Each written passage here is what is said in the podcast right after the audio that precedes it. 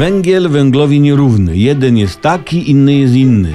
O. No i pewien przedsiębiorca szklarniowy z Wielkopolski, a więc prywaciarz, nabył partię, ale nie PiS czy PO, tylko partię węgla sprowadzonego z Australii. Okazało się, że węgiel nie chciał się palić w piecu. Coś tam się zajarzyło, ciutkę nagrzało, kapkę podymiło i zgasło szybko jak nadzieja stażysty na wypłatę. A australijski węgiel po prostu jakoś no nie palił się do palenia. Może rzucił palenie, nie wiadomo.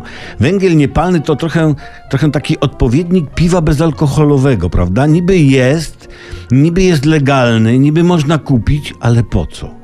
Z tym, że z punktu widzenia ekologicznego jest to fantastyczny materiał palny. Zostawia mniejszy ślad węglowy niż gąsienicka w łyczce wody. Greta Thunberg, jak usłyszała o tym węglu, to dostała wielokrotnych spazmów rozkoszy i zrobiła sobie herbatę, bo jej się pić chciało.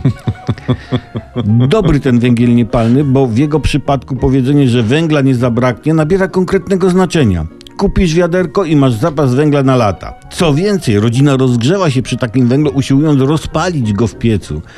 Ktoś z Polski, kto zakupił ten węgiel do Australii, to miał łeb. Miał łeb.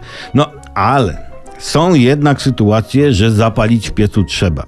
Skoro więc taki niepalny węgiel przedsiębiorca nabył, to warto by jednak coś z tego opału było. Może, żeby zapłonął, trzeba mu dać braweranu. Po braweranie konary płoną, jak womontowicze podpalone przez Kmicica, to może i australijski węgiel zapłonie. Kto wie, spróbować zawsze warto.